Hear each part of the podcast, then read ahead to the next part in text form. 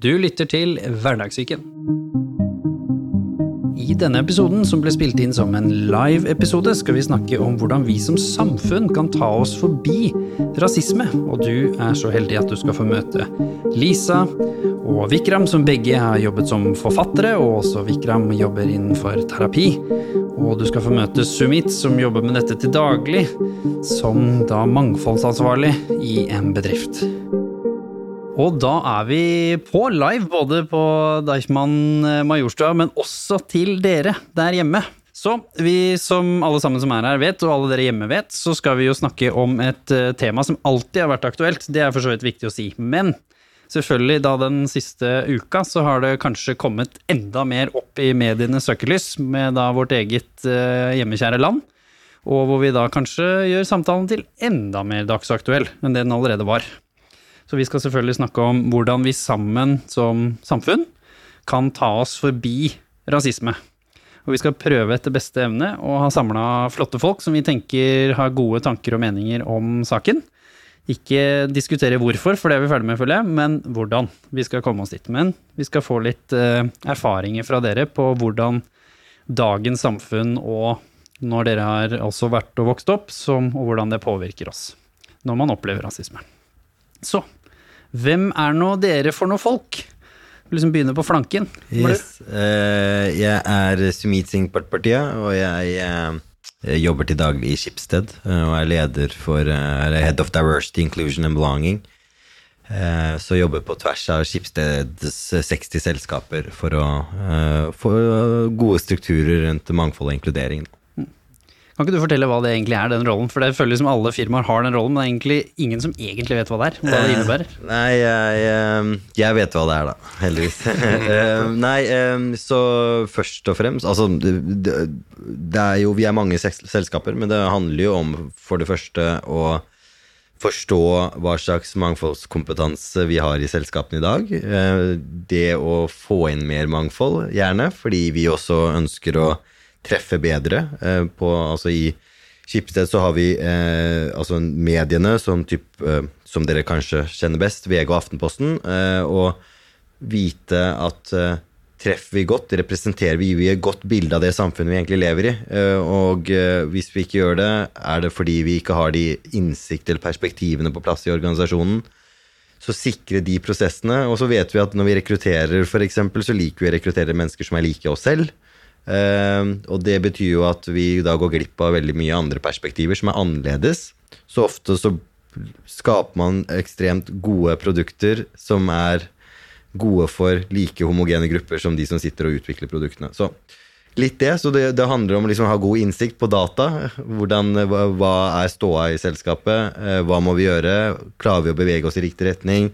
Ha gode prosesser. Rekruttering er én ting, men også inkluderende kompetanse og Eh, kultur. Eh, det handler om å skape på en måte, Når vi har 60 selskaper, så kan ikke jeg være i 60 selskaper, men å sikre gode på en måte, måter å jobbe gjennom disse selskapene. Eh, og så gjelder det å få det ut i produktene våre også, og sikre at vi har mangfold med i tankene hver gang vi på en måte skriver en sak eller finn.no skal lansere nytt produkt eller utvikle produktet. Så, så, så det, det, er det det går ut på. Og, og, bare for å bygge litt på det, dette er det jeg jobber med. og Min bakgrunn er jo fra innovasjon og digitalisering, så jeg har ikke nødvendigvis jobbet med mangfold og inkludering i business før, eh, men det har vært min store hobby og passion. Eh, så jeg har jo ledet og etablert eh, Turbandagen og sitter i Rådet for flerkulturelle minoriteter i Oslo byråd og Samarbeidsrådet for tros- og livssynssamfunn. Så det har liksom vært min hobby, da. Så det er noe jeg på en måte i ett år har jobbet i Skipsted, hvor jeg har liksom funnet drømmejobben, fordi jeg kan ta det jeg føler jeg kan, og med noe jeg brenner for, da, og kombinert det. Brenner for, det er vel lov å si at du også gjør for uh, tema, men hvem er du? Ja. ja nei, jeg heter Lisa Soel Knutsen, uh, og jeg uh, jobber i en tenketank som heter Minotenk, som rådgiver. Eh, og så har jeg eh, skrevet eh, en bok eh, som kom ut eh, tidligere i år, som heter eh, 'Det er personlig'. om rasisme og ytringsfrihet. Da. Så det er jo på en måte litt av ja, engasjementet mitt, da. helt siden jeg var ganske liten. Eh, og som da har ledet meg inn i den jobben jeg har nå, og det ja, forfatterskapet jeg har, og, og eh, ja, en eh, Ja, engasjert eh, i samfunnsdebatten også. Mm. Ja, nå må jeg først og fremst si at det var Jimmy som ga meg denne boka. det så dere, håper jeg. så, men jeg har da også skrevet uh, bok, bøker. Um, og, så jeg er forfatter. Uh, og så er jeg professor ved Norsk Gestaltinstitutt. Det er uh, et institutt for psykoterapi, veiledning, coaching, relasjonsledelse. Og så var det en grunn til at du brukte Vi tulla litt med at du brukte litt lengre tid på GDPR i stad. For ja. du har også en bakgrunn innenfor det? Eh, ja, og jeg også har en bakgrunn i menneskerettighetsjuss. Menneskerettighetsjurist. Ja. Så, men det er først og fremst eh, psykoterapeut og ja, underviser og forsker innenfor psykoterapi da nå. Um, og et av de siste prosjektene som jeg har vært opptatt av, er et sånt eh, deltakende forskningsprosjekt med noen studenter på instituttet. Um, basert på en hendelse som skjedde um, i fjor våres, som kanskje var en form for litt sånn subtil rasisme. I hvert fall et uttrykk for at hvithet er dominerende, også uh, i den studentmassen. Um, så det syns jeg har vært veldig spennende å forske på sammen med de involverte studentene. Den artikkelen er uh, akkurat kommet ut, faktisk, og det er uh, i et tidsskrift som er sånn, hva heter det på norsk, åpent tilgjengelig. Så det er i eh, gestalttidsskriftet.no hvis dere vil lese litt eh, om det. Den prosessen kommer jeg sikkert til å komme litt tilbake til òg, kanskje. Sjeldent ville vi kalt det Skipstedt. At det var gratis og åpent tilgjengelig. Ja, vi har mye åpne saker også, da. Veldig bra. Ja. Han forsto meg. Å slippe folk ordentlig inn. Følelser inneholder egentlig flere komponenter. Vi har det jo best når vi klarer å fungere godt sammen med andre mennesker. Dette er Hverdagssyken, podkasten hvor vi sammen med fageksperter og mennesker med levd erfaring tar for oss de tabubelagte temaene og psykisk helse i hverdagen. Du starta litt eh, på det nå, så du skal få svare på det spørsmålet her til slutt, du òg. Skal få tenke litt. Men når var første gang du følte at du opplevde rasisme, og hva var det du opplevde, og ikke minst hvordan var det det påvirka deg? For vi skal som sagt snakke litt om de personlige opplevelsene som har fuela engasjementet deres også, mm. før vi selvfølgelig skal fokusere mest på hvordan vi som samfunn skal ta oss forbi dette her. Ja, ja og jeg, jeg, sliter jo liksom med å si liksom en enkelt hendelse som gjorde at liksom det fikk meg til å liksom At ting rant over, eller at det er én hendelse som gjorde at ting endret seg i livet mitt. Da, jeg er jo vokst opp uh, på Bogstad, altså Oslo vest, så jeg var jo veldig annerledes, på en måte. Uh, og uh, egentlig hadde jeg en veldig god oppvekst, og jeg, ikke, jeg, jeg, klarer ikke å peke på ting som jeg tenker Og det gjorde at jeg ble knust, på en måte, men jeg var jo veldig annerledes. så det har jo egentlig fulgt meg hele livet, da. Og og kanskje det er det som har gitt meg noen perspektiver knyttet til dette. Men eh, det var vel mer at jeg Kanskje når jeg vokste opp der jeg gjorde, og jeg var en veldig markant minoritet, da, kontra kanskje veldig mange andre indre eller sikher som kanskje bodde eller vokste opp i mer flerkulturelle miljøer, eh, hvor de var flere, på en måte, som kunne relatere seg til deres bakgrunn eller perspektiver eller eh, kultur, da, så var jeg veldig alene, da. Men det gjorde jo at jeg opplevde at jeg klarte å håndtere liksom det jeg kaller det erkenorske litt bedre, da. Eller ikke bedre enn det, men jeg klarte å håndtere det. Men da klarte jeg kanskje å gå og være liksom observatør og aktør veldig mye da, i det veldig indiske og det veldig norske. Så da når jeg liksom så kidsa hos oss vokse opp, eh, og da var jo jeg mer ungdom, da, når jeg så de vokse opp og jeg har jo uklipt hår, har alltid liksom hatt tildekket hode, eller, og nå en turban. At jeg så at det var kids rundt som digget den identiteten, men de hata å være annerledes. Og fordi det ikke er kult å være annerledes, og det, de blir mobba for å være annerledes. og eh, liksom Små, enkelte kommentarer i barnehager, barneskoler altså Alt eh, gjorde at de ikke kunne dyrke det de egentlig kanskje ville dyrke. Det var vel det som gjorde at jeg følte at eh, det er urettferdig, da, så vi må jobbe med noe. Så det var egentlig ikke min personlige take på det. Det var vel min personlige take på at jeg kanskje syns det ikke var så ille, og at det var mulighetsrom, men at det var mange som ikke klarte det. da. Um, så det var vel hele den reisen som gjorde at uh, jeg uh, følte at uh, vi, vi trenger å skape en bro da, mellom det norske og det indiske eller sikh-samfunnet. Fordi vi ofte sier at vi er en veldig sånn usynlig, synlig gruppe. Vi er jo veldig synlige når du ser oss, og så er vi veldig usynlige når, fordi ingen vet hvem vi er. Em, og så var det jo da, altså etter 9-11, så var jo første hate crime-drap i USA var jo en sikh som ble drept. Uh, Delbir Singh Sordi var på vei til jobb. På, han drev en bensinstasjon, og eh, alle overskrifter verden over med, eh, på avisene var jo terrorist, og du så en karer med skjegg og turban. Eh, Så eh, da ble vi jo vi satt i den gruppa, eh, og da ble han Dalbir Singh Sordi skutt og drept fordi han hadde den turbanen. Og vi så jo den polariserte på en måte debatten i, og, som bygget veldig mye på fordommer også i Norge. Så det var jo bakgrunnen for at vi tenkte at ok, enten så kan vi sitte sånn passiv med, med turbanene våre i tempelet vårt på Alnabru, eh, eller så kan vi liksom ta en aktiv eh, rolle her og gå og ta med turbanene våre til Oslos gater og møte samfunnet på samfunnets premisser for å endre liksom det narrativet litt. da. Men det var jo de opplevelsene av at eh, det var ikke noe kult å være annerledes, som gjorde at eh, vi eh, på en måte måtte bygge Unge sikher og Turbandagen eh, den gangen vi gjorde det. da. Så, så kanskje sånn eh, ikke svaret du ønsket, fordi jeg, jeg kan ikke liksom peke på den ene hendelsen som liksom uh, endra meg helt. Men jeg har nok av hendelser og opplevelser da, som vi kan sikkert snakke utover uh, i dag. Det var ikke nødvendigvis én hendelse, så veldig bra svar. Men hvis du, Lisa, kanskje kan snakke litt om de forskjellige typene som du har opplevd? Fordi nå i det siste så har det kommet litt mer kunnskap og innsikt om rasisme og diskriminering, og litt mer dybden og hva det betyr.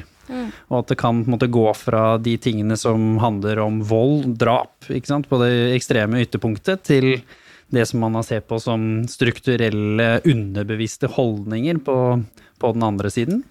Hvilke måte type forskjellige ting er det du har opplevd?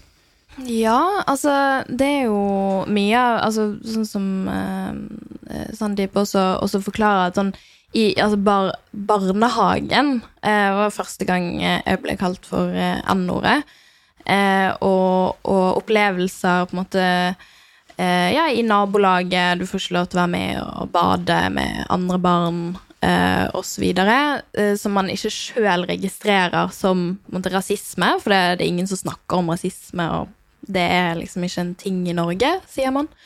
Um, og så er jo det på en måte eh, opplevd eh, Altså på barneskolen så opplevde jeg også liksom den, det mer sånn voldelige.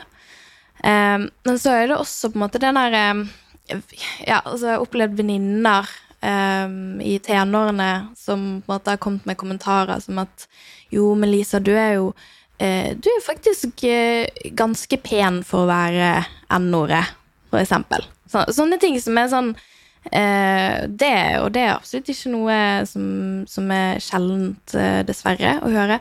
Men, men eh, det er også sånne ting som på en måte er eh, For det er jo ment som et kompliment, men så er det så innebygd i de der systemene med liksom hvem er det som blir sett på som attraktive, og så.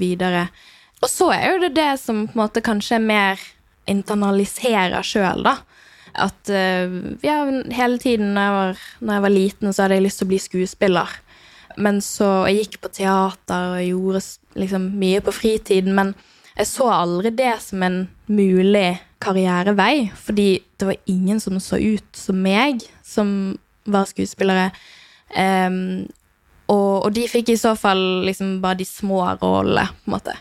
Og det er jo sånne ting som handler mer om det, altså representasjon, da men som, eh, som jeg tror er, kan være veldig sånn ødeleggende for, eh, for hva man velger å, å gjøre i, i forhold til karriere og, og så videre.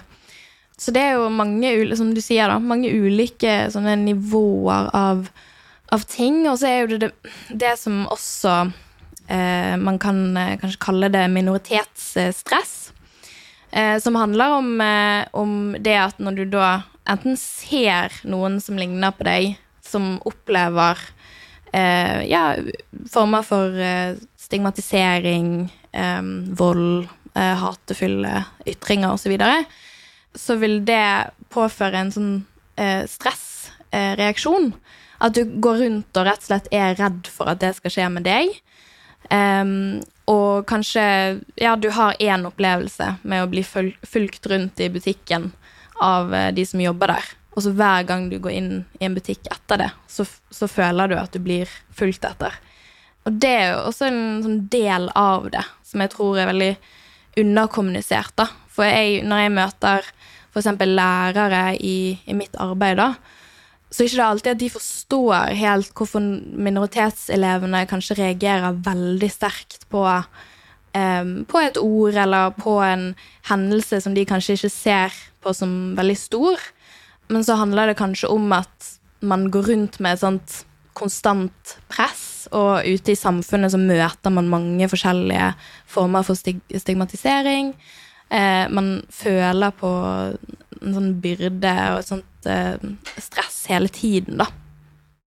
Nå var det veldig mye jeg hadde lyst til å ta tak i, så det er ikke alltid positivt av ADHD-erne, for jeg liksom husker liksom alle de tingene de har, så jeg har liksom lina opp liksom masse spørsmål inni huet mitt. Men kan vi ikke begynne med litt personlig, før vi skal ta et par sånne småting av de psykologiske tingene, som jeg vet du har brukt mye tid til å tenke på. Jeg vet at du har snakket om det å bære flere enn én minoritetsrolle og hatt, fordi det er jo mange der ute i samfunnet også som er minoriteter i forskjellige aspekter. Om det er på en måte pga. seksualitet, eller på kjønn, eller på da om det er religion, eller om det er da med bakgrunn fra familie. Så kan du snakke litt om din personlige erfaring med å ha flere minoritetsroller i møte med det norske samfunnet? Hmm. Ja, ikke sant? Født i 1980. Eh, vokste opp på Kolbotn, veldig, veldig hvitt. Eh, og tilsynelatende veldig, veldig streit. Altså, det er en annen hverdag i dag, for å si det sånn. Det var ikke mange skeive karakterer eh, på filmer, TV-serier, eh, i det offentlige i det hele tatt. Eh, ja, og jeg er både brun og skeiv og hindu. Um, så dette var en sånn tid hvor um, altså ignoransen var ganske Jeg vet ikke om den var på topp, men det var ganske høyt oppe. Altså. Det var sånn Jeg husker på barneskolen at det var litt sånn der, Å, herregud, dere spiser sikkert liksom apehjerne, sånn som i den Indiana Jones-filmen. Sånn. Mammas familie er vegetarianere, liksom. Um, og den filmen liksom bare sånn fullstendig Hvordan er det mulig å representere liksom på den måten der? Det er helt vilt. Så det er, det er jo Det er en annen tid, føler jeg. Virkelig. Jeg sånn, tenker sånn Oi, shit. Det var Ja, helt annen tid. Hvis, Um, hvis du skal snakke litt om hva gjorde det med deg? Hvilke hindringer la det på deg, og hvilke emosjonelle negative konsekvenser får det å møte dette her? Kan dere for så vidt tenke litt på dere også, hvordan det har påvirket dere, før vi da som sagt skal snakke mye mer om hva vi skal gjøre med saken? Fordi det er også viktig å få frem, syns jeg, er at du pekte veldig fint på det, men det er jo et aspekt innenfor psykologi som handler om at man ser den verden man er i. Vi snakker veldig lite om det om man har vokst opp et sted, om man har en sosial bakgrunn, eller om man går inn i noe, så går jo jeg som en som i Norge representerer en majoritet, går jo inn i verden med majoritetsøyne. Så hvis ikke man bevisst leter etter det, eller har snakket med noen som har opplevd da disse tingene, så ser man det jo ikke på samme måte. Bortsett fra da det ekstreme, det, det i utgangspunktet ser jo alle. Men her snakker vi liksom om mikroaggresjoner, eller de tingene som du på ingen måte enig i at det var et kompliment. Den syns jeg vi skal gravlegge en gang for alle. Men uansett hvor du da sikter til at disse venninnene dine kanskje ikke i utgangspunktet mente det som noe vondt, det kommer jo ifra at de ikke forstår hva som skjer på andre siden. Så derfor er det jo litt viktig å ta med det aspektet. At det er jo der mye av eh, nøkkelen ligger her også. mm.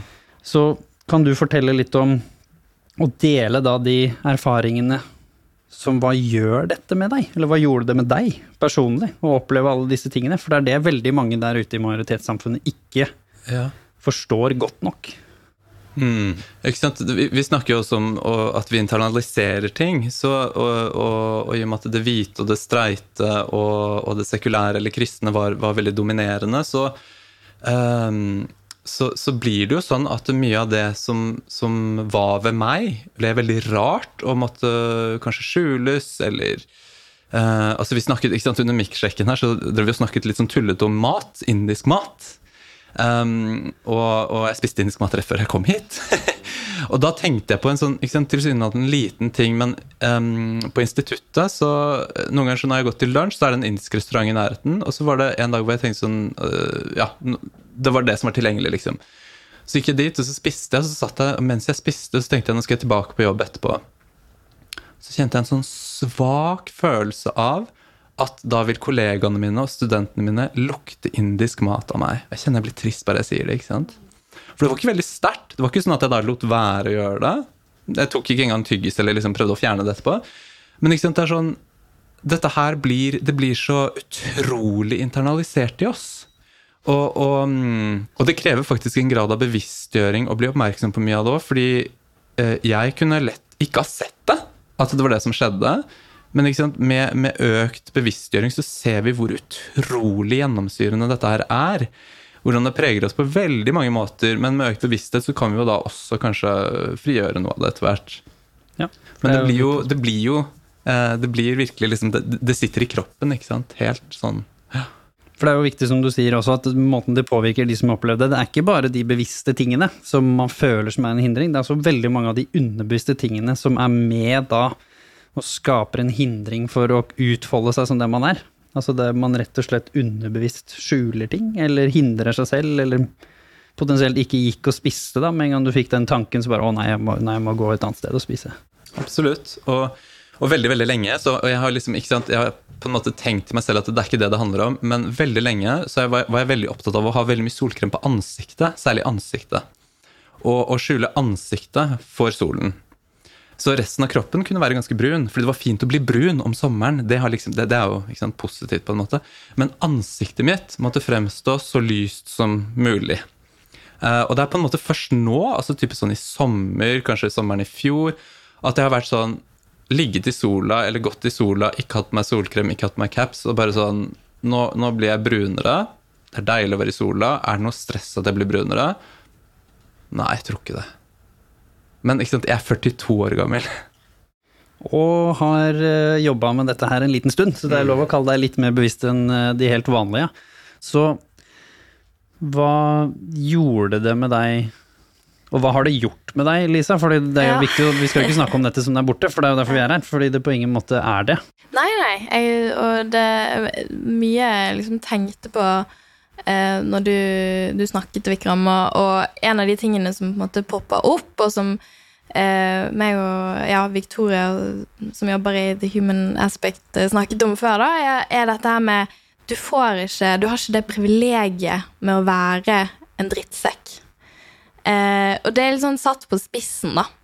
Men eh, jeg tenkte alltid som barn, veldig, veldig tidlig, at jeg må være supersnill. Jeg var superhøflig, jeg var kjempesnill, jeg kan ikke gjøre noe galt, for da eh, Det er det liksom folk allerede tenker om meg, da. Eh, og det er jo noe som absolutt ikke borte i dag. Eh, og jeg tenkte på en, en episode når jeg var med, jeg var med sjefen min. Eh, vi hadde hatt noen sånne innspillsmøter i Tromsø. Så var vi på flyplassen, eh, og så hadde jeg kullsyrevann. Så åpnet jeg i flasken, eh, og så liksom sprutet det over. Og jeg sølte litt på gulvet. Eh, og da ble jeg superstresset og var sånn «Ja, Jeg må finne og tørke det opp. Og liksom sånn, Mens sjefen min var sånn Nei, det er jo fint, bare la det være. Så jeg sånn Nei, jeg må tørke det opp. Eh, liksom åpnet eh, bagen min og prøvde å finne Fant noen sånn sminkeservietter og liksom tørket det opp. Og bare sånn sa til henne at sånn Jeg, jeg kan ikke jeg, jeg kan ikke, nå, Folk har sett dette. Jeg kan ikke la det ligge sølt på gulvet, fordi folk kommer til å tenke eh, ah, de der afrikanerne. Altså, det, det er sånne ting, da. Som er, og det er kjempebra å være høflig og liksom alt det der, men det burde ikke være Det burde ikke være motivasjon, da. Og jeg tror eh, eh, Jeg tror mange kan føle litt på det. At man blir litt sånn ekstra synlig, og eh, det, det er urettferdig at hvis du, hvis du gjør en dårlig ting, eller hvis du bare har en dårlig dag, så, så det, står du i fare for å på en måte eh, bli en representant for den gruppen du er, en del av, da. Ja, nei, jeg, jeg bare Altså, jeg, jeg tror at liksom det jeg kan relatere det til, er jo på en måte liksom den takknemligheten for å bo i Norge. Og jeg tror liksom Og, og, og liksom Og da mener jeg ikke eh, Det er vi jo alle, men takk til nordmenn som lar meg bo her. På en måte den type holdningen, da. At eh, det tror jeg Litt sånn jeg har sett på det, så tror jeg liksom generasjonen over oss har vært sånn der ekstremt takknemlige, og vi klarer ikke å se at de gang er, liksom er takknemlige. Og så har du de nye unge i dag som bare Hæ? vi skal ikke være takknemlige for shit, liksom. Eller la oss bare være den vi er. Så er jeg kanskje skvist sånn midt imellom, hvor jeg har tenkt sånn Jeg har jo vært veldig sånn takknemlig. Jeg, må, jeg prøver å vise i ulike settinger, i ulike rom, sant, på jobb, eller eh, at eh, Hei, jeg er så takknemlig for at jeg får være her, liksom.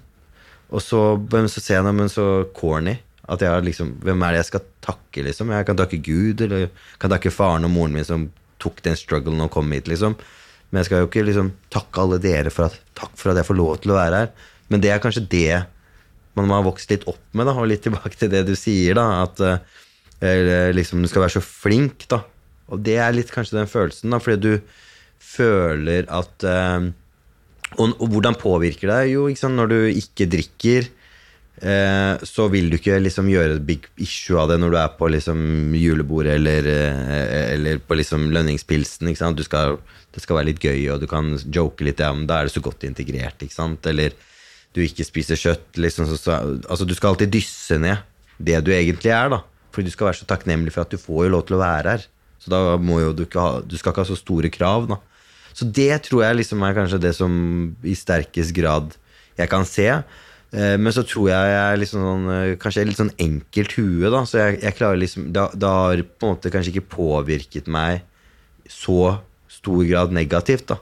Eh, og det er litt tilbake til det jeg sa med barndommen min, at jeg liksom kanskje var Jeg hoppa så mye og fleksa så mye liksom fra liksom veldig tidlig alder, så det har blitt så normal, da. Eh, men det jeg ser i det, er jo at de som ikke klarer å flekse, hvordan det bare ruinerer deres framtid og liksom hverdag og arbeidsmuligheter, da. Fordi de bare er seg selv, og de klarer ikke å se kanskje at hei, her må jeg inn i den settingen og pakke meg inn for at liksom Jeg må sitte sånn, snakke sånn for å liksom få innpass, da.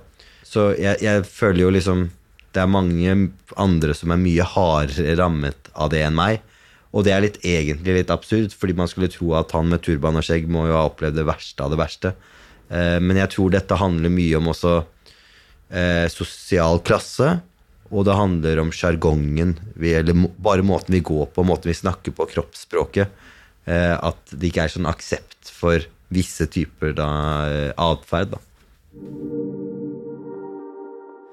Det har jo vært snakk om også kjenne på den der at eh, man må jobbe hardere for å være lik.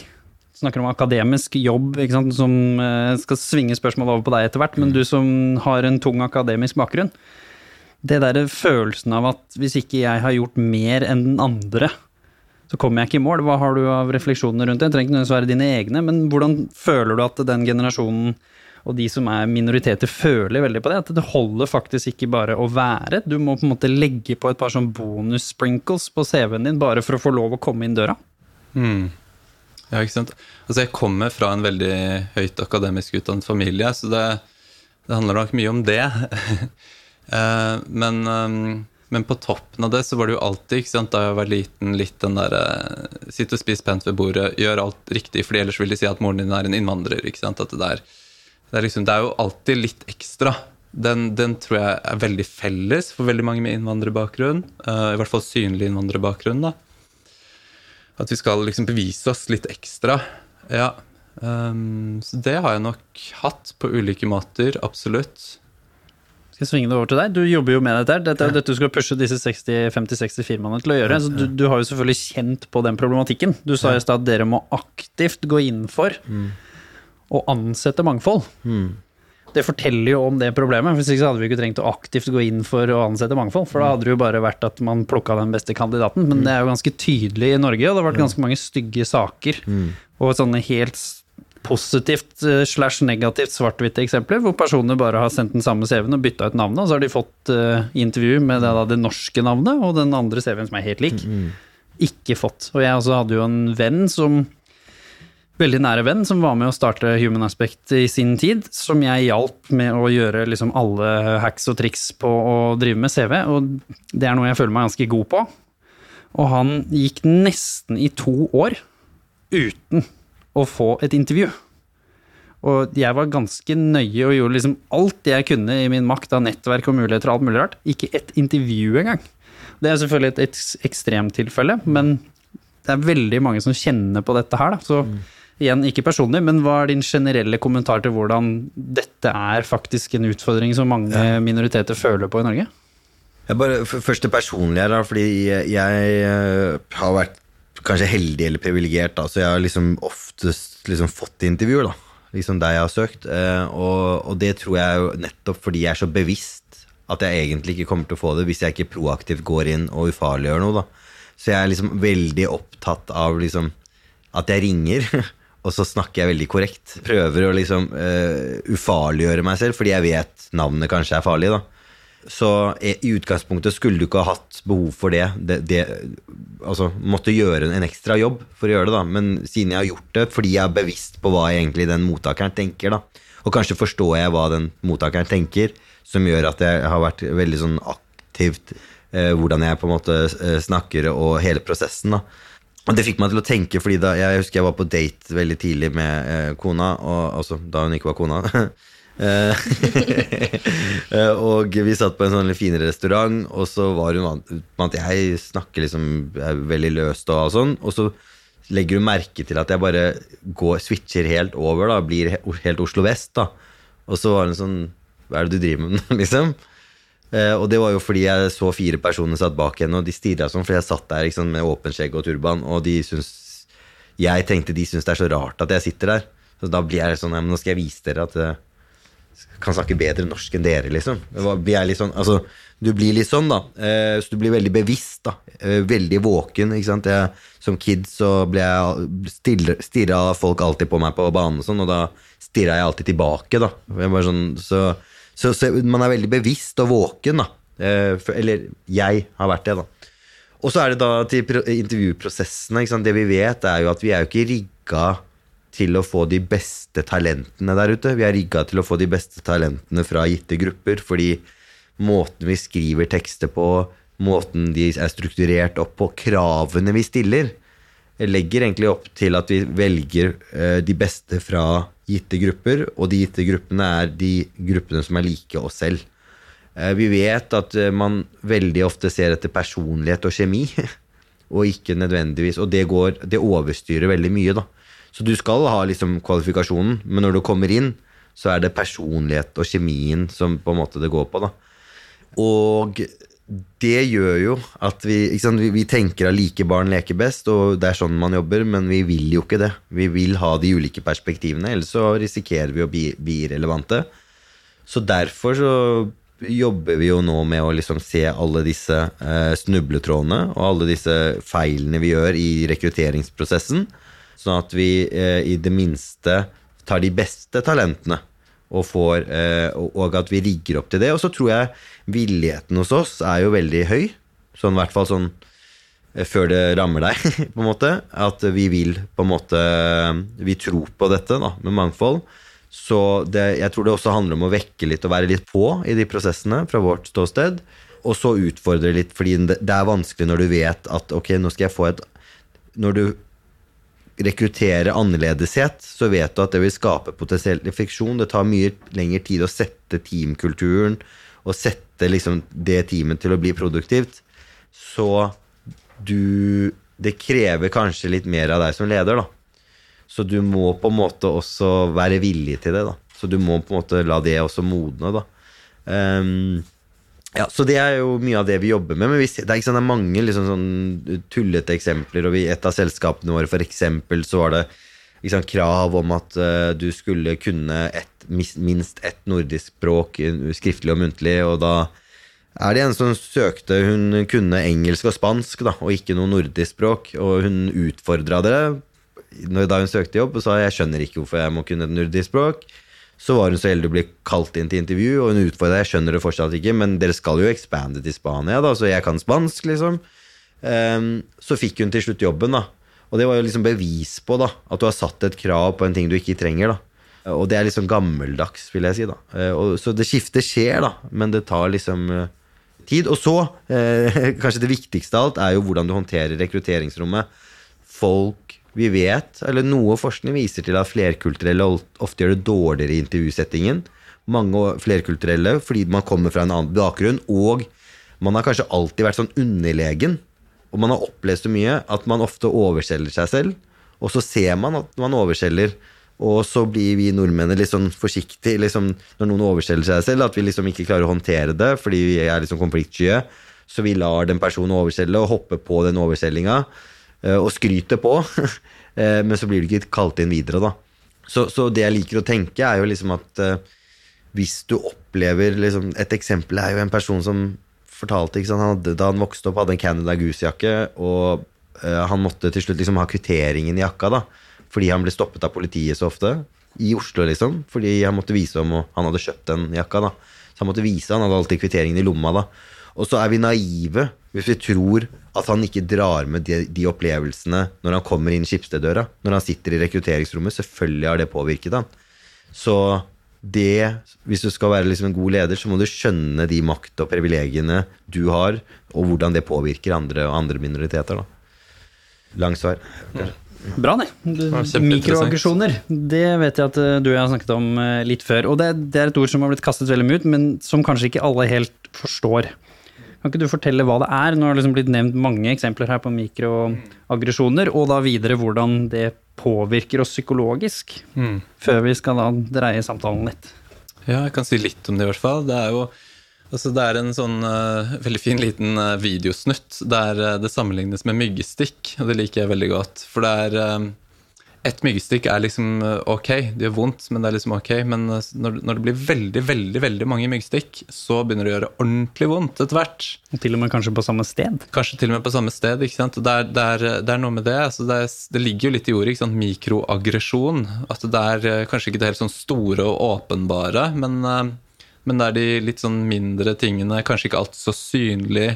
Eh, Det er ikke sikkert at personen som, eh, som gjør det, er spesielt bevisste, og i hvert fall ikke mener at den har en intensjon om det.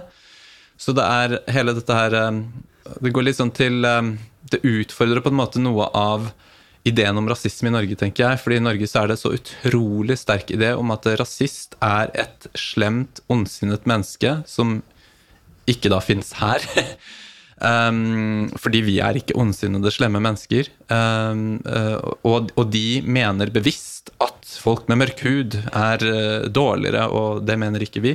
Ikke? Det, er sånn, det er en veldig gammeldags forståelse av rasisme. Um, altså all nyere forskning på rasisme er opptatt av at veldig mye av rasismen i dag er mindre bevisst.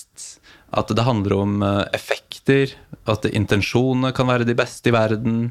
Det, er, det er et helt annet felt da vi beveger oss i her. Og det strukturelle, som det har vært mye god snakk om nå, som endelig Absolutt. kommer litt opp i dager, som også har vært nevnt her, da, sant? Både det strukturelle, mindre bevisste prosesser i oss som individer. Så, så mikroaggresjonene det, det, det tar jo litt det på alvor, da, at det er eh, mange små hendelser som kanskje ikke er bevisst eh, utført, og heller ikke med noe vond vilje, ofte. Og det som gjør det komplisert, er jo at sant, vi som kan oppleve det, begynner å lure på skjedde det egentlig. Eh, Og også innbiller jeg meg det. Og øh, øh, er jeg for hårsår? Det er mange sånne dynamikker i dette her som gjør det veldig komplisert. da. Um, og dette, det er jo, det, Vi kan kalle det en slags mikroaggresjon, det som skjedde på den undervisningssamlingen jeg hadde våren i fjor. Det er jo da sant, et veldig hvitt klasserom, så det er igjen en sånn institusjonell, strukturell sak. altså Hele Gestalt-instituttet. Jeg er den eneste som ikke er hvit, bortsett fra eh, en i administrasjonen der. Og, men heldigvis så begynner jo studentene, og massen begynner å bli litt mer mangfoldig. Litt. Men i den klassen så var det kanskje to eller tre som ikke var hvite. Og så handler det om grupper og gruppedynamikk, den uh, undervisningssamlingen vi har. Og så på et tidspunkt så, så spør jeg da um, Fordi det var på Teams pga. pandemien. Så da ser man jo ikke sant, hvem det er som har snakket i det siste. Det er de uh, boblene som liksom står frem. Så vil jeg liksom, som et eksperiment så sier jeg bare sånn Ok, la oss stoppe akkurat her nå, og så bare se hvem det er som er på skjermen i de store rutene. Det er de som har snakket i det siste. Og kjenne, kjenne, la oss alle sammen liksom undersøke kjenner vi oss igjen i det å ta plass, ikke ta plass osv. Og, så og eh, det som på en måte etter hvert kom opp Jeg inviterte da også til at kan vi reflektere rundt dette, ikke bare ut ifra fordi psykologien og psykoterapi så har det veldig mye sånn familiebakgrunn, veldig personlige historier og sånn, men jeg er opptatt av det strukturelle òg. Så da spør jeg er det noe av dette som kan henge sammen med dominante identiteter. Jeg vet f.eks. med meg selv at som cis-mann så kan jeg lett ta plass i visse settinger, men som brun så er jeg litt mer sensitiv kanskje i majoritetshvite settinger. Og så sier jeg, og jeg vet at det at jeg har sagt hvit, det kan gjøre det ubehagelig for mange hvite. Og da, etter hvert så blir det en sånn samtale hvor, hvor en av de som da ikke er hvit, hun, hun begynner å dele litt om rasisme. Og umiddelbart et, Og hun var ikke på skjermen da, ikke sant? fordi hun hadde ikke tatt plass. Så hun var en av de som ikke hadde tatt plass. Og så tar hun plass, litt på basis av det jeg da har sagt, kanskje, støttet. Og umiddelbart etter at hun har delt noen erfaringer med rasisme, så kommer en hvit medstudent, eh, kvinnelig medstudent, og, og sier eh, noe om at Å, jeg, jeg Ikke for å konkurrere om offerrollen, altså. Og så begynner hun å snakke om sine egne erfaringer med sexisme i Norge. Og den andre studenten, altså ikke-hvite, blir helt stille og er stille resten av den dagen. Og på slutten av dagen så begynner hun å si Og det var ikke meningen å fremstille meg som offer, altså. Og så sier jeg ok, nå sakter vi ned litt, dere. Fordi vi, det er tross alt psykoterapiinstitutt, så, og vi er interessert i gruppeprosesser. La oss bare se hva er det som foregår her nå. Kan vi være litt nysgjerrige? Og så begynner vi å se på det, ikke sant? men med en gang det ordet hvithet og rasisme kommer opp, så bare poff, eksploderer det. Fordi selvfølgelig, ikke sant, Disse hvite studentene de ønsker jo ikke å bli sett på som rasister. Ingen av oss vil det. Det er nesten et problem synes jeg også med bare ordet, fordi det er så knyttet til noe litt sånn individuelt og ondsinnet. Mens det det handler om i dag, er så mye, mye mer komplekst. Og jeg mener også at det sånn, også hvis vi skal klare å håndtere det, så må det gjøres på mm, en mindre sånn eh, fremmedgjørende og demoniserende måte. Hvis vi skal klare å håndtere det. Så, men da har jo vi forsket på denne prosessen, hva som skjedde sammen. Det var jo del av det, Og da også komme sammen. Jeg inviterte dem, la oss se på dette sammen nå. Har vi holdt på i halvannet år, da, i dialog, refleksjon. Hva var det som skjedde? Eh, hvordan kan vi forstå dette? Ikke sant? Ja, det var jo ikke noen dårlige intensjoner. Men det at det kan komme opp sånn, ikke for å konkurrere om offerrollen, og så begynne å snakke om egne erfaringer som hvit kvinne, når en brun kvinne for første gang i en dominant hvit gruppe sier noe om egne rasistiske erfaringer, der er det noe som foregår. Så det er kjempespennende, syns jeg, å se på det og liksom unpack eh, den erfaringen der, som gikk så raskt og var så ubehagelig for oss alle. Også meg som lærer, ikke sant? fordi jeg er lærer. Men så sitter jeg også som brun lærer der. Og så blir jeg sånn Tror de hvite studentene nå at jeg er på en måte for lojal mot den brune. Altså, det, det, det, er så komplisert, så mange ting som skjer. Og det trigger også meg på ulike punkter når, når jeg kjenner at det liksom eksploderer, og det handler om rasisme. Og jeg sitter der. Det er superkomplekst. Og jeg er lærer, så jeg har makt. Så er, det, det, det, har vært kjempespennende, syns jeg, å liksom se på den erfaringen der. Og så har vi gjort det sammen med nysgjerrighet. Ikke sant? Også denne hvite studenten. La oss se på dette sammen med nysgjerrighet. Og jeg har liksom avdramatisert alt dette her med at det handler om at et menneske er slemt. Blant annet ved å si at rasisme også dukker opp i meg, internalisert. Det, det gjennomsyrer kulturen vår. Ikke sant? Så, så, det er jeg veldig opptatt av. Nå vet jeg ikke hvor jeg begynte den gang, men, eh, men ja, der, der, ender jeg i hvert fall nå. der slapp vi. Lisa, er det på tide nå at vi legger død denne biten med de gode intensjonene? At eh, majoriteten må nå ta på seg at eh, den biten må vi legge fra oss. Og i det så mener jeg at eh, hvis det alltid skal være Forsvaret, som vi sier her, da At bare fordi at min intensjon ikke var at jeg satt og hacka ut en grov plan om å trakassere noen som ser annerledes ut enn meg, så er det jo ikke så fryktelig mange som gjør det. Uansett. Så hvis vi liksom alltid skal bruke det som en unnskyldning Nå så vi det jo igjen med den saken som vi ikke nødvendigvis skal nevne med navn. Altså, det var ikke Voldemort, men det var på en måte like tullete. Og når det i tillegg da ble henlagt, den saken, så viste jo igjen at med en gang du kommer med den unnskyldningen, selv da i en juridisk perspektiv, så er det akkurat som om at det på en måte bare er greit. Og så fører det bare til polarisering. Masse mennesker som da liksom støtter han med at ja, men så ille var det ikke, og så selvfølgelig heldigvis mange som støtter henne, da, som har opplevd dette her. Vi, hvis vi noen gang skal komme forbi det, må majoriteten av meg og de som holdt på å si som er majoritet, bare slutte med den greia der? Uh, det var mye. Uh, men uh, første jeg tenker, er jo at uh, ja, vi må legge bort litt den der uh, intensjonen. Altså, alle, alle skjønner at intensjon betyr noe. Jeg tror bare Jeg tror ikke det er det vi egentlig har snakket om i det hele tatt. Jeg tror at sant, problemet med det å hele tiden skulle stole på eh, at mine intensjoner er gode, er at det blir veldig selv eh, Altså veldig selvfokusert, da. Og at man tenker at så lenge jeg eh, har en god Så lenge jeg mener godt, så kan jeg gjøre hva som helst. Og det er jo Alle vet at verden, verden ikke eh, fungerer sånn.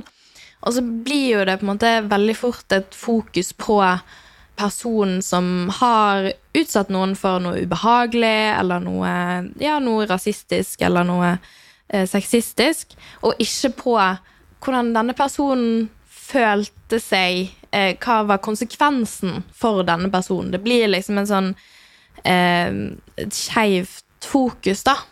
Og, og, derfor tenker jeg at, at vi må liksom legge den litt bort, eh, og på en måte heller fokusere på at eh, eh noen ganger så eh, Og det gjør, vi, det gjør, vi med mange ting. Altså at vi, vi eh, må faktisk tenke oss litt om, spesielt når det kommer til dette eh, som hele tiden blir snakket om. Å, skal ikke det være lov å spørre hvor noen er fra?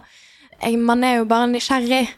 Da pleier jeg å si at eh, ja, men uh, noen ganger så, så må vi være villige til å legge vår nysgjerrighet litt i baksetet, på en måte.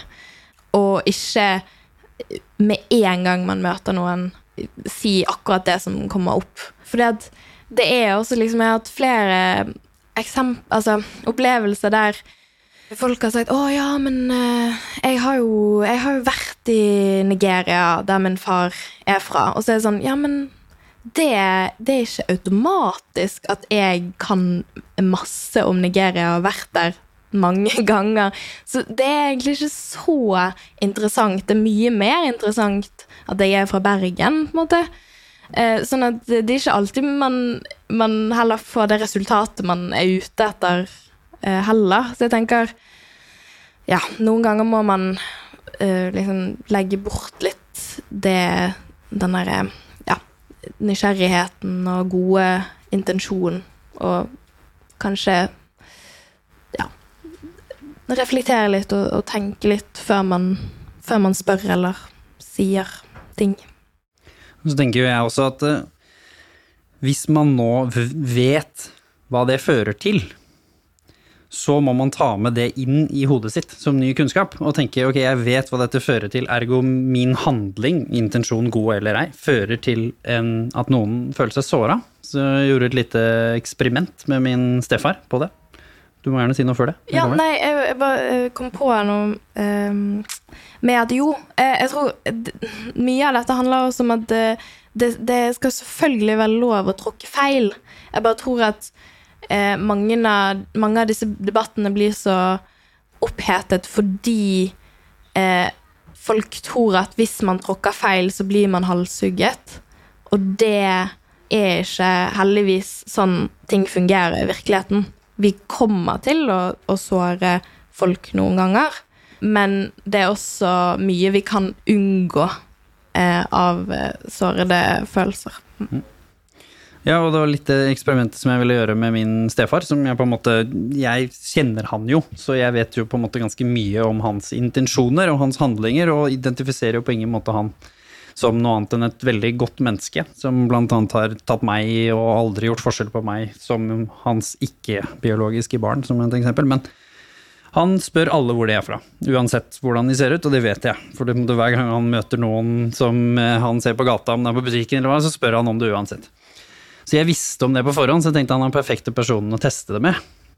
Og så sa jeg det til han at endrer det noe for deg hvis jeg forteller deg at den personen som du nå spør hvor er fra, som du ser ser annerledes ut, har fått det spørsmålet 19 ganger tidligere denne måneden, men fra mennesker som ikke spør alle, som du sier, hvor intensjonen kanskje ikke var like god, eller si ti av dem ikke var god, det er samme egentlig det, da er jo ditt tjuende spørsmål en mikroaggresjon på samme sted. Og så sa jeg til han, men hvis du faktisk er bevisst på dette, kan du ikke spørre hvor i Norge er du fra? Personen snakket jo norsk, som du sier. Bergensk, Tromsø. Altså, hvorfor må du akkurat spørre hvor er du fra? Kan du ikke bare legge på hvor i Norge er du fra? Som en løsning, da, hvis det var så fryktelig viktig for deg. Og da så du liksom at han tenkte litt. Og da så jeg at det faktisk gikk opp for han det han ikke hadde tenkt på. Fordi, som du sier, hver gang han blir møtt med den kritikken, så går han i skyttergraven fordi han vet jo at han spør alle. Han vet jo at han spør de som ser hvite ut òg, som er majoriteten. Så istedenfor å tenke hm, kan jeg endre holdning fordi jeg sårer noen, så gikk han i den jeg vil forsvare meg selv fordi jeg er livredd for å bli kalt rasist, som jeg ikke identifiserer meg som, da. Så plutselig så, man en litt sånn morsom eh, dynamikk ved at han fikk ny informasjon. Og det er det jeg syns er viktig å påpeke nå for alle som er der ute. Det er ikke lenger en hemmelighet visse ting som fører til at folk føler seg såra. Det er ikke en hemmelighet at hvis har man liksom et annerledes navn, så blir man annerledes behandlet. Ok, hvis du vet det, da må jo du ta med det inn i hvordan du interagerer i denne verden som en majoritet, for det er jo et privilegium i seg selv. Så da er det faktisk ikke greit å bare være. Fordi for meg så er rasisme et majoritetsproblem, ikke et minoritetsproblem. I utgangspunktet, da. Men konsekvensene treffer eh, minoriteten. Og kanskje selvfølgelig for å broe dette her, da. For det er jo ikke sånn at man kan ha sånne samtaler med alle menneskene i Norge, selv om vi skulle ønske alle menneskene i Norge så på. Så er det veldig viktig med brobygging. Der har du med ditt initiativ, som du snakket om, med Turbandagen, et veldig suksessfullt brobyggingsprosjekt for da også en minoritet som også har en veldig sterk identitet. For du nevnte jo at du kanskje ikke nødvendigvis har noe identitet knyttet til da et land som en av foreldrene er fra, men du har jo en sterk identitet knyttet til det å være sikh, og ønsket å vise dette fram til verden. Litt den samme gode strategien som du snakket om på CV-en. Peke på annerledesheten og si hei. Vil du vite hva det er? Vil du vite hvor flott det er? Hvordan har opplevelsen vært, og hvor viktig tror du sånne type lignende prosjekter er for å faktisk komme forbi rasisme? Nei, jeg, jeg tror jo Altså, jeg pleier ofte å snakke om liksom, historien om turbanen eh, som fra hat til elsk, da, for vi vet at liksom, etter 9-11 så var det hata. Ikke sant? Og eh, det var på en måte ikke noe populært å komme, og det trigga mye spørsmål, kommentarer, eh, ansiktsuttrykk. Og så eh, har vi jo vært heldige, da. Folk kommer på turbandagen, og det er liksom 20 000-30 000 mennesker som kommer. Det er eh, Folk står tre timer i kø for å få en turban, liksom. Så opplevelsen i seg selv er jo veldig sånn Det er jo sterkt for oss, men det er også sterkt fordi vi vet at folk kommer der og henger med liksom folk de aldri ville hengt med ellers, og på veldig sånn kloss da. Og man får liksom eh, Ja, man får virkelig liksom embracea den annerledesheten, da. Men så har jeg også lurt på å få spørsmål om hva liksom, ja, nå kommer det så mange tusen mennesker, og kom, dere bruker masse tid og energi og penger på det. Hva er resultatet, da? Eh, Og det tror jeg liksom litt av det jeg fikk, var eh, IMDi, altså Integrering og mangfoldsdirektoratet, gjorde som mangfoldsbarometer i 2020. eh, og da stilte de no nordmenns om deres persepsjon av ulike religiøse symboler. Eh, og da var det to liksom religiøse symboler som de eh, nordmenn da eh, liksom sa ja til, eller var positive til. Eh, og det var korset og turbanen. da. Så jeg tror liksom tolv år med turbandagen, så er det resultatet, da. Eh, at det er og, og jeg tror jo når vi har hatt liksom utfordringer med, liksom med politiske saker, så har turbandagen også vært en god sånn inngangsbillett, fordi veldig mange politikere eller folk med, liksom, i maktposisjoner kan ha sett det, hørt om det, så, som gjør at man har liksom en sånn slags eh, sånn ufarliggjort samtalsemne, eller et eller annet som gjør at det er lettere å komme inn, da. Så jeg tror liksom det har eh, kanskje vært resultatet, sånn på lengre sikt. Så, og, og så tror jeg, vet jeg at liksom unge eh, På et eller annet tidspunkt så så vi liksom mange av de unge som faktisk stolt begynte å bære turban, og syntes det var kult og fett. Eh, og det syns jeg liksom var det feteste med det, da. At eh, de, kunne snakke om annerledeshet og gjøre det til en kul ting, da. Så ja, jeg tror det liksom har vært eh, liksom short storyen rundt det. Jeg, jeg bare tenkte på i forhold til nysgjerrighet, fordi jeg syns det er veldig interessant. da Og jeg, jeg tror jo Jeg tror jo dette med nysgjerrighet er dritviktig. da At vi skal liksom være nysgjerrige, og vi skal liksom I nysgjerrighet så lærer vi nye ting. I nysgjerrighet så føler man seg sett, den som man er nysgjerrig på. Eh, Og så tror jeg til og med at det ikke er noen spørsmål som er for farlige å spørre, men du skal investere tid til å komme dit. Og litt tilbake til altså, hva er første spørsmålet ditt. Og jeg, jeg tror du kan spørre om alt, men du skal liksom investere den tiden til at du og jeg har liksom den tryggheten, og intensjonen er liksom satt. Så kan du spørre om hva du vil. Og alt du vil, liksom. Eh, om det er leder eller kollega i organisasjonen. Men du skal investere den tiden da, til å komme dit. Og så liker jeg for liksom eh, det du definerte veldig godt, at alle Man har veldig berøringsangst for ordet rasisme. Det er så farlige ord, da. Eh, Og det er vanskelig å liksom si at det, der er vi rasisme. Det blir liksom Da setter sier du at noen er djevelske, da. Og ikke for å liksom omkategorisere det, men jeg liker å snakke veldig mye om ekskludering, da. Eh, Fordi jeg mener at liksom den har samme mekanismene. Eh, Og ekskludering er noe alle kan relatere seg til. Vi blir liksom eh, Vi har alle blitt ekskludert på et eller annet tidspunkt i livet. liksom Om det var liksom ikke bli valgt til fotballen eller invitert til ballet, eller ikke bli invitert til bryllup som vi trodde var noen venner gode venner av oss som hadde. Så vi kan liksom relatere oss til at vi har blitt ekskludert, liksom. Og så vet vi at folk blir ekskludert på jobb og i samfunnet hver dag. Ikke sant? Og vi vet det er smertefullt. Det har man faktisk også forsket på. da, Man vet at den sosiale smerten som er ekskludering, eh, har samme påvirkning på hjernen som fysisk smerte. Eh, Så, så det gjør vondt. Og hver gang Og det tror jeg liksom er Kan du kalle det liksom lillebroren til rasisme? Og det er noe som skjer hele tiden, hver dag i, under lunsjen, liksom. Eh, Så vet vi at eh, folk blir ekskludert systematisk i møterommet, på rekrutteringsrommet. Og det er derfor jeg tror liksom det er viktig å snakke om inkludering, selvfølgelig. Og det er derfor vi prøver å snakke om det mye i Schibsted. Men jeg tror liksom eh, kanskje liksom startversjonen av det er ekskludering, og så er rasisme kanskje for meg liksom kan, Kanskje kan det være samme ting, men men eh, at rasisme er noe mye mer for meg, da i hvert fall veldig det eksplisitte, og det du kan påpeke, som f.eks. den opplevelsen du eh, henviste til, da, at da, da er det liksom veldig sånn tydelig. Eh, mens det mer subtile, det mikroaggresjonene, som det er kanskje vanskelig å putte der, eller vanskelig for folk å akseptere at det er der, så kan du i hvert fall si at det er ekskluderende. Eh, Eller du ekskluderer noens perspektiver, noens verdier, noens holdninger, da, eller eh, væremåter. Da. Det strukturelle må endres. Du nevnte litt i stad med instituttet. Vi nevnte, vi har allerede vært innom arbeidsmarkedet.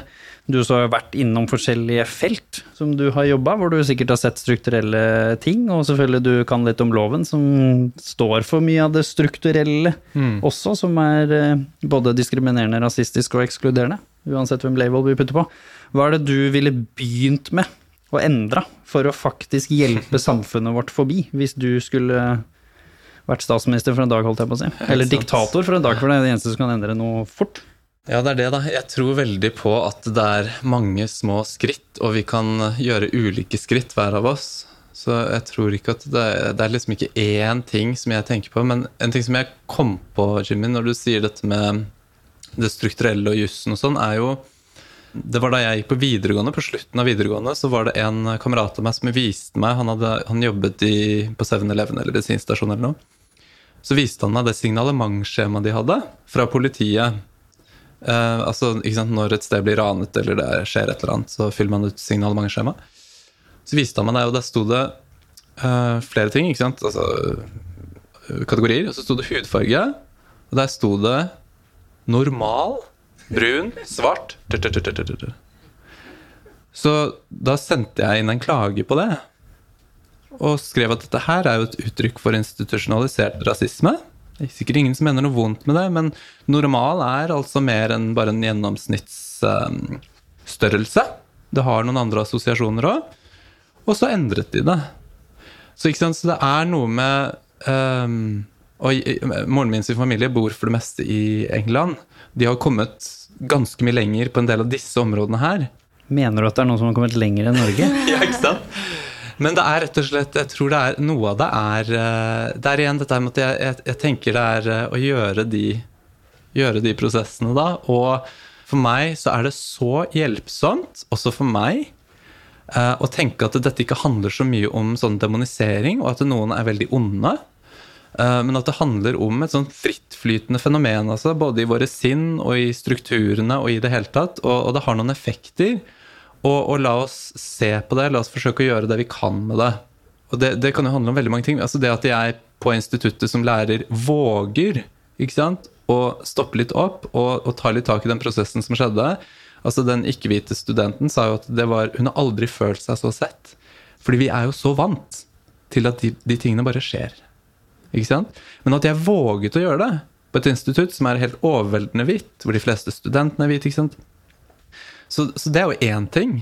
Eh, men jeg tenker det er veldig mange ting, da. Det, ja. Eh, og vi, vi kan jeg, tror, og er helt overbevist om at hver og en av oss kan gjøre noe. Vi kan våkne litt opp. ikke sant? Jeg, eh, altså For min egen del også, som cis-mann, da, jeg er blitt mer og mer oppmerksom på at ok, hvordan er det det er for mennesker av andre kjønn? Hvordan er det det er å bare gå på toaletten? Jeg ble så glad her, det er toaletter for alle. ikke sant? Det er noe jeg først har blitt virkelig oppmerksom på gjennom venner av meg som er ikke-binære, trans osv. At, eh, at jeg, med mitt privilegium så kan jeg gå på toalettet hvor som helst. Men nå har jeg virkelig begynt å bruke det privilegiet da, til å stille spørsmålstegn der hvor jeg ser at det er bare tokjønna toaletter. Og på instituttet så, ikke sant, så litt sånn geriljavirksomhet. Bare klistra opp først en sånn plakat hvor det står 'toaletter for alle'.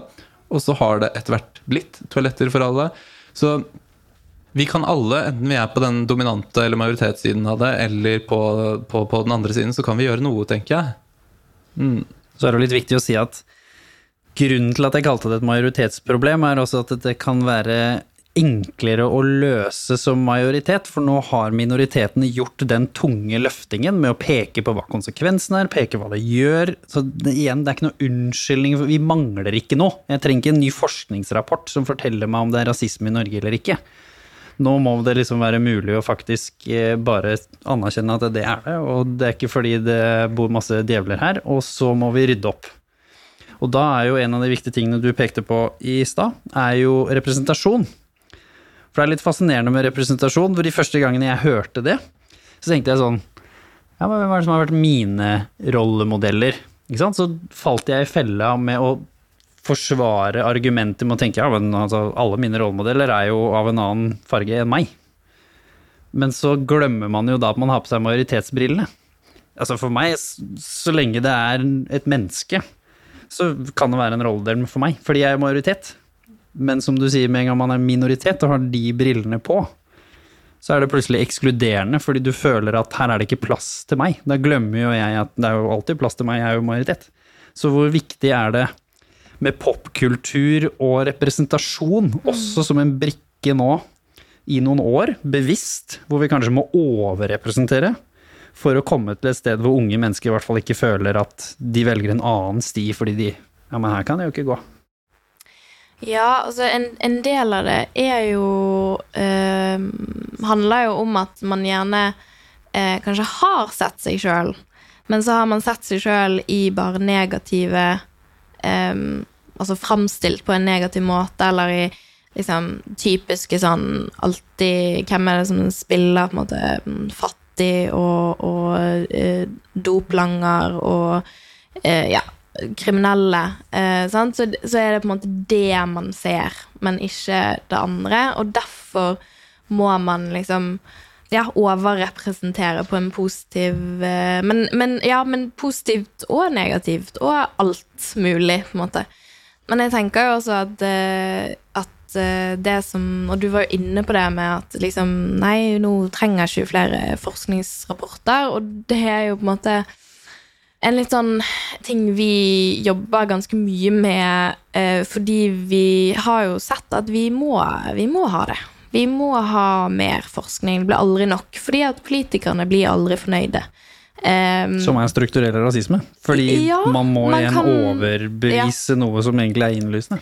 det, det, det er akkurat det som er litt problemet, men, men jeg pleier alltid å på en måte eh, trekke paralleller til eh, likestillingsdebatten. Fordi det, det tok jo liksom Det tok 100 år, det tok lang, lang tid. Og det var ikke før man på en måte begynte å telle, og før man begynte å liksom gjøre all denne forskningen og vise ulikheten blant eh, måte eh, kvinner og menn, eh, at man faktisk hadde noe å slå i bordet med, da. Og, og være sånn Ja, men se, det er en ulikhet. Dette må vi gjøre med, noe, noe med. Eh, og ser liksom litt det samme, da. At eh, politikerne er mye, mye mer villige til å gjøre noe når det liksom foreligger dokumentasjon, da. Eh, og det er synd at det skal være sånn, for det burde vært, vært helt åpenbart. Eh, men, eh, men det er veldig mye måte positivt som er i gang, da. Eh, som ja, burde jo ha skjedd for 30-40 år siden, men, men vi er i hvert fall liksom på vei, da. Og så ser man jo den positive effekten av representasjon, som vi nå begynner å se, fordi som du nevnte at du kanskje ikke hadde det. Dagens unge har jo mange, mange flere. Og det man ser når man jobber med skolene og barna, er jo at man ser jo at flere føler at de har mangfoldighet i sine valg innenfor karriere. Plutselig så har de sett masse advokater, de har sett masse leger, de har sett psykologer, de har liksom plutselig så har man kanskje sett seg selv veldig mange flere steder. Og da er det litt mer sånn Får man litt majoritetsfølelsen igjen, da. Det var jo BI, jeg vet at de halvveis utfordret de til å slippe de tallene, men når jeg studerte deltid på BI, så satt jeg på biblioteket og jeg gjorde litt sånn mini-moroforskning for meg selv, hvor jeg da satt og sjekket hvor mange som hadde en multikulturell bakgrunn, som var der seint, for jeg var alltid der seint, for jeg studerte jo på deltid. Og det var jo en ekstrem overrepresentasjon av de med multikulturell bakgrunn som i hvert fall satt på biblioteket da, og studerte litt eh, ekstra, ekstra hardt, hvis vi skal kalle det det. Og det var jo tilbake på det dere pekte på i stad, at man føler at man skal jobbe, jobbe ekstra. Og takket være det, den veldig gode innsatsen, så har jo også disse, som deg selv, som deg, som deg, plassert dere nå rundt i steder hvor det er representasjon takket være dere. Som hadde tatt plassen. Jeg studerte jo på BI og satt sent, da, men det var fordi jeg bare er litt treig, da. Så jeg bare måtte alltid bare jobbe litt ekstra, så jeg, du må kan stryke meg fra denne lista. Jo, men det er jo også fint å, fint å se at man har tatt disse plassene, og at det er positiv representasjon, og at man nå har tatt oppgjør med litt sånne tullete ting, sånn som man sa før at jo, men hvis vi viser noe fra 1700-tallet, så kan vi jo ikke ha representasjon, for det var ikke sånn det var. Og så har Bridgerton eksempel, har jo bare kasta det ut av vinduet og sagt det driter vi i, og så måtte vise man representasjon. For det er også en sånn tullete sannhet som vi sier til oss selv. Hvorfor det? Hvem er det som bryr seg om, om det? Det er jo fiksjon veldig mye av det, eller basert på Til og med, til og med fantasien vår er hvit, liksom. Ja, eller da falske karakterer, da, som James Bond. Vi husker jo igjen denne polariserte debatten, og Idris Elba kanskje potensielt den beste kandidaten vi noen gang har hørt om. Erkebritisk og virkelig kunne representert eh, Jeg gleder meg til han blir James Bond. Hvor det da var plutselig veldig galt. Nei, James Bond kan jo ikke være Hvem sa det? Det er jo ikke en ekte person engang. Så det viser jo at det er et holdningsproblem der òg. Så det er ikke sånn at vi bare skal late som at alle bare har gode intensjoner heller. For det tror jeg ville blitt og gjort oss selv en eh, bjørnetjeneste i, eh, i det hele. Dere alle sammen har lyst til å komme med Som sagt, vi sa jo 'hvordan skal vi ta samfunnet forbi det'?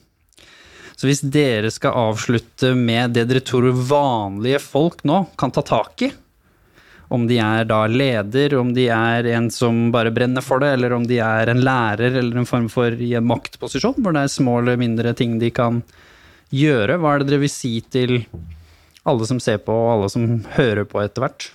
Hva kan vanlige folk gjøre? Minoritet, majoritet? Alle ser på hverandre. Ja, nei, eh, jeg føler jeg har snakket så mye, så, men, eh, men jeg, eh, snakker om de liksom enkleste tingene man kan gjøre. Så pleier jeg å bruke liksom de tre c-ene. Og det er for det første liksom curiosity, altså være nysgjerrig. Jeg tror det er kjempebra, det var jeg inne på i stad. Og det å ikke nødvendigvis være nysgjerrig på bare det du ser ut som. Du kan være nysgjerrig på veldig mye mer, da. Men å stille de store liksom, spørsmålene. Og sant, det, det koker ned til nysgjerrigheten knyttet til liksom alle eksempel uttale et navn riktig. Sant? Når vi møter på en måte annerledes navn, så kan vi enten bare eh, la, prøve uten å liksom bare ta sjansen, eller så ignorerer vi å si det navnet. Eh, eller så kan vi være nysgjerrige og stille spørsmål om hei, hvordan ville, jeg vil ikke si navnet ditt feil, så hvordan ville du eh, Hvordan sier du det hjemme, liksom? Det er nysgjerrighet, det òg, ikke sant. Så, så være liksom nysgjerrig, og så snakker vi om liksom altså være conscious, altså være bevisst sine makt og privilegier. Eh, liksom Sånn som Vikram var inne på, være bevisst på det. da. Altså Vi sitter i maktposisjoner og systemer alle sammen i ulike eh, grad og har noen privilegier som andre ikke har, og være bevisst disse blindsonene. Og være bevisst sine liksom, eh, fordommer og biaser. da. Eh, vi blir aldri kvitt det, men vi kan være bevisst på det, og hvordan det påvirker oss og skaper liksom atferdsstrategier for å liksom håndtere de, da. Eh, som venner, kollegaer eller ledere. Eh, og det siste er liksom å expande liksom your inner circle, da. Så circlen din. At eh, beste du kan gjøre, er å liksom vi, Typisk vi ringer de samme menneskene vi skal ha råd eller lage strategier eller brenner på dass. Liksom Vi henger med de like menneskene. Bare utfordre, overraske deg selv, få litt heng med nye mennesker. På en måte På jobb og på få råd fra nye mennesker på jobb. Og eh, heng utenfor jobb med andre mennesker. Jeg tror de liksom tre scenene er overkommelige overkommelig for alle, liksom, og er enkelt å begynne med og koster absolutt ingenting, men det kan gi oss liksom mye lærdom. Da. Ja, jeg tenker jo eh, det på en måte Ja, ikke trenger å være så, så komplisert, da. Altså på eh, Ja, der du jobber, der du studerer, eh, er du med i en studentorganisasjon, eh, vær den som måte stiller det spørsmålet med hm, hva, er, vi, er vi mangfoldige nok? Altså på alle plan, liksom. Det er veldig mange grupper i samfunnet som er underrepresentert. Spør eh, hva gjør vi egentlig når det kommer til antirasisme? Eller sånn eh, Hvis du jobber på skole, har vi eh, Følger vi opp eh, på en måte saker godt nok som handler om rasisme? Altså, vær, eh, vær den eh, der du er, da, som stiller de spørsmålene. Um, for det er ikke sikkert at det blir tatt med videre, men det kan plutselig gjøre veldig stor uh, forskjell hvis det blir uh, Ja, hvis det blir tatt, tatt opp, da. Mm. Nå har du fått god tid til å tenke, så nå må det komme noe lurt. Nei, jeg har lyttet, jeg, vet du.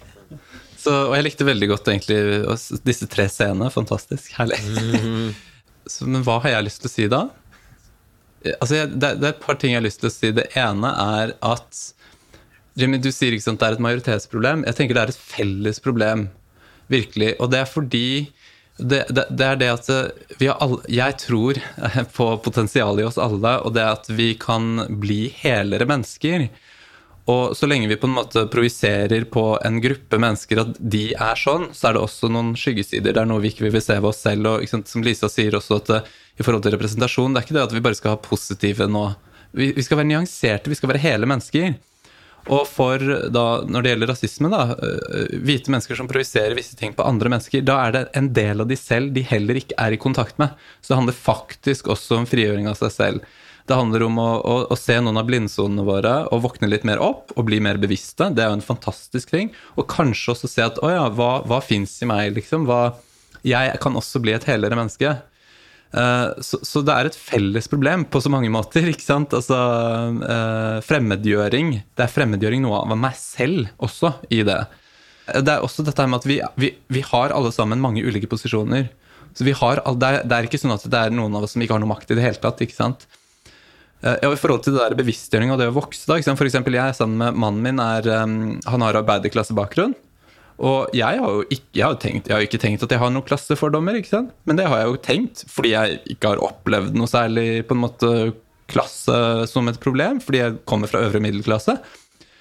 Um, men han, akkurat som jeg gjør han veldig oppmerksom på rasistiske prosesser, og han, det er ubehagelig, skikkelig ubehagelig, men han vokser, og han vil vokse. Så kan også være ubehagelig for meg når han tar meg på Og du er så utrolig klassistisk på det og det og det. Så blir jeg sånn Jøss, er jeg det? Og så kan jeg bare ok, puste litt, og sånn Hm, la meg undersøke. Jeg kan også vokse, ikke sant. Så for meg så er dette her eh, Det er noe som frigjør oss alle. Vi kan alle sammen eh, ja, vokse, da. Absolutt. Og jeg tenker jo som det jeg sa i stad, at Når man tilhører en majoritet, så i mitt tilfelle på en måte hvit mann, liksom majoriteten av majoriteten, så i hvert fall i Norge, så er det viktig da å ta det ansvaret fordi det koster meg mindre. Konsekvensene for meg er jo mindre. Hvis jeg tar tak i dette her, det er jo bare positivt som kan komme ut av det. Men hvis, som du og alle dere har vært inne på, hvis man tar tak i visse ting, så kan det hende at det har veldig negativ bakkraft for noen som er en minoritet, som man kan bli kalt hva som helst, som egentlig fører til økt polarisering. Så det er derfor jeg sier at det er et majoritetsproblem. Jeg burde egentlig sagt majoriteten som nå må ta stafettpinnen. Det er egentlig mer det jeg mener. Og nå må forla da de som har lyst til å engasjere seg, være med, uansett hvordan man ser ut og de andre som ikke har lyst til å engasjere seg, og la de andre hvor dette ikke koster så mye nå, faktisk bli ferdig med dette her, og plassere rett og slett rasisme i historiebøkene der hvor det hører hjemme, så kan folk gå på biblioteket og lese om det i fremtiden. fordi det er jo da man har lykkes. Hvis vi kommer dit hvor tre og et halvt åringen som løper rundt et eller annet sted her, faktisk ikke opplever det, og du må fortelle hva det er. Da har vi kommet langt, på en måte, hvis vi kan lykkes med det. Og jeg tror ikke det skjer hvis ikke vi nå legger bak oss dette her med at vi skal ta oss så nære av at vi er livredd for å bli kalt rasist. Norge er, som alle andre land i hele verden, et rasistisk samfunn med masse rasistiske strukturelle elementer og masse underbevisste rasistiske holdninger, uten at det bor masse djevler her. Det, hvis jeg bare kan si noe til dere, Jimmy. Altså For meg, og dette her er roten av problemet, det er individualisme. For det er det at vi tror at vi er separate individer, og vi skal opprettholde et godt selvbilde. Vi skal være gode mennesker. Poenget er at det er ikke virkeligheten. Jeg puster. ikke sant? Jeg kan ikke eksistere uten denne intime kontakten med mine omgivelser. Akkurat samme måte er det med alle disse prosessene. Rasisme, heteroseksisme, alt dette her, det er gjennomsyrende. Ikke sant? Og idet vi slutter å se på det som en sånn individuell sak Det mennesket der er en rasist. Så altså, Det er det vi trenger. Vi må gå forbi det paradigmet der og se på dette her som ikke sant, frittflytende fenomener. Det handler ikke om at jeg er et godt menneske individuelt, eller et dårlig menneske individuelt. Vi henger mye tettere sammen med våre omgivelser enn det. Og vi ønsker sammen å lage et samfunn hvor dette er noe vi bare må fortelle om, som noe som man kan se en film om, rett og slett. Um, så hvis dere har noen final uh, siste lite ord, og så kan vi heller fortsette samtalen eh, der ute, så kommer vi til eh, å avslutte. Bare for å presisere, og takk for eh, kommentarene og spørsmålene. Det er bra eh, på en måte at det kommer opp. Og jeg tror litt sånn Jeg tror ikke Litt sånn jeg tolket det vi snakket om, og så er det jo ikke altså spørsmålstegn ved at rasisme ikke er rasisme, og at det skal gis et annet ord. Rasisme er rasisme, og det er masse rasisme. og eh, folk, mennesker opplever rasisme i Norge hver dag eh, i alle prosesser. Så det er på en måte given. Eh, jeg, jeg, så det mer som diskusjon i liksom definisjonen av det. At den har fått en utvidet definisjon i dag. Og selve ordbruken da, av rasisme. At der må vi At man har litt sånn angst for det ordet. Og litt mer det fremfor at det ikke finnes. Sånn at liksom eh, Ta det som fundament, at det er der. Eh, men også eh, se på liksom definisjonen eh, av det, og hva gjør at de som kanskje ikke eh, opplever eller ser det gjennom sine, på en måte, sin normale oppvekst, ikke har sett det, hva skal til for at de forstår at det kanskje er rasisme? Og da er kanskje ordet, eller språket, veldig viktig da, for å formidle og treffe. da. Jeg tror, eh, jeg vet ikke du, du Det var i hvert fall litt den jeg hoppet på eh, i stad, eh, og ikke det å sette question mark rundt rasisme som et fenomen, eller som ikke Et ukjent fenomen som ikke eksisterer, da. Bare tenkte det var greit å presisere det. Ja. Jeg tror ikke det var det hun mente heller. Jeg tror bare mente at det også må med i, i samtalen. At man må ikke glemme på en måte utgangspunktet her, med det hvite pri privilegiet. Eh, nei, jeg syns det har vært en veldig, veldig fin samtale. Og jeg tror eh, Ja, vi har jo ikke Som sagt, det er et veldig stort tema som vi bare må fortsette å, å snakke om. Um, men uh, dette er et, jeg tror, et godt eksempel på en vei videre, kanskje. Ja, jeg tror ikke jeg har noen sånne siste ord.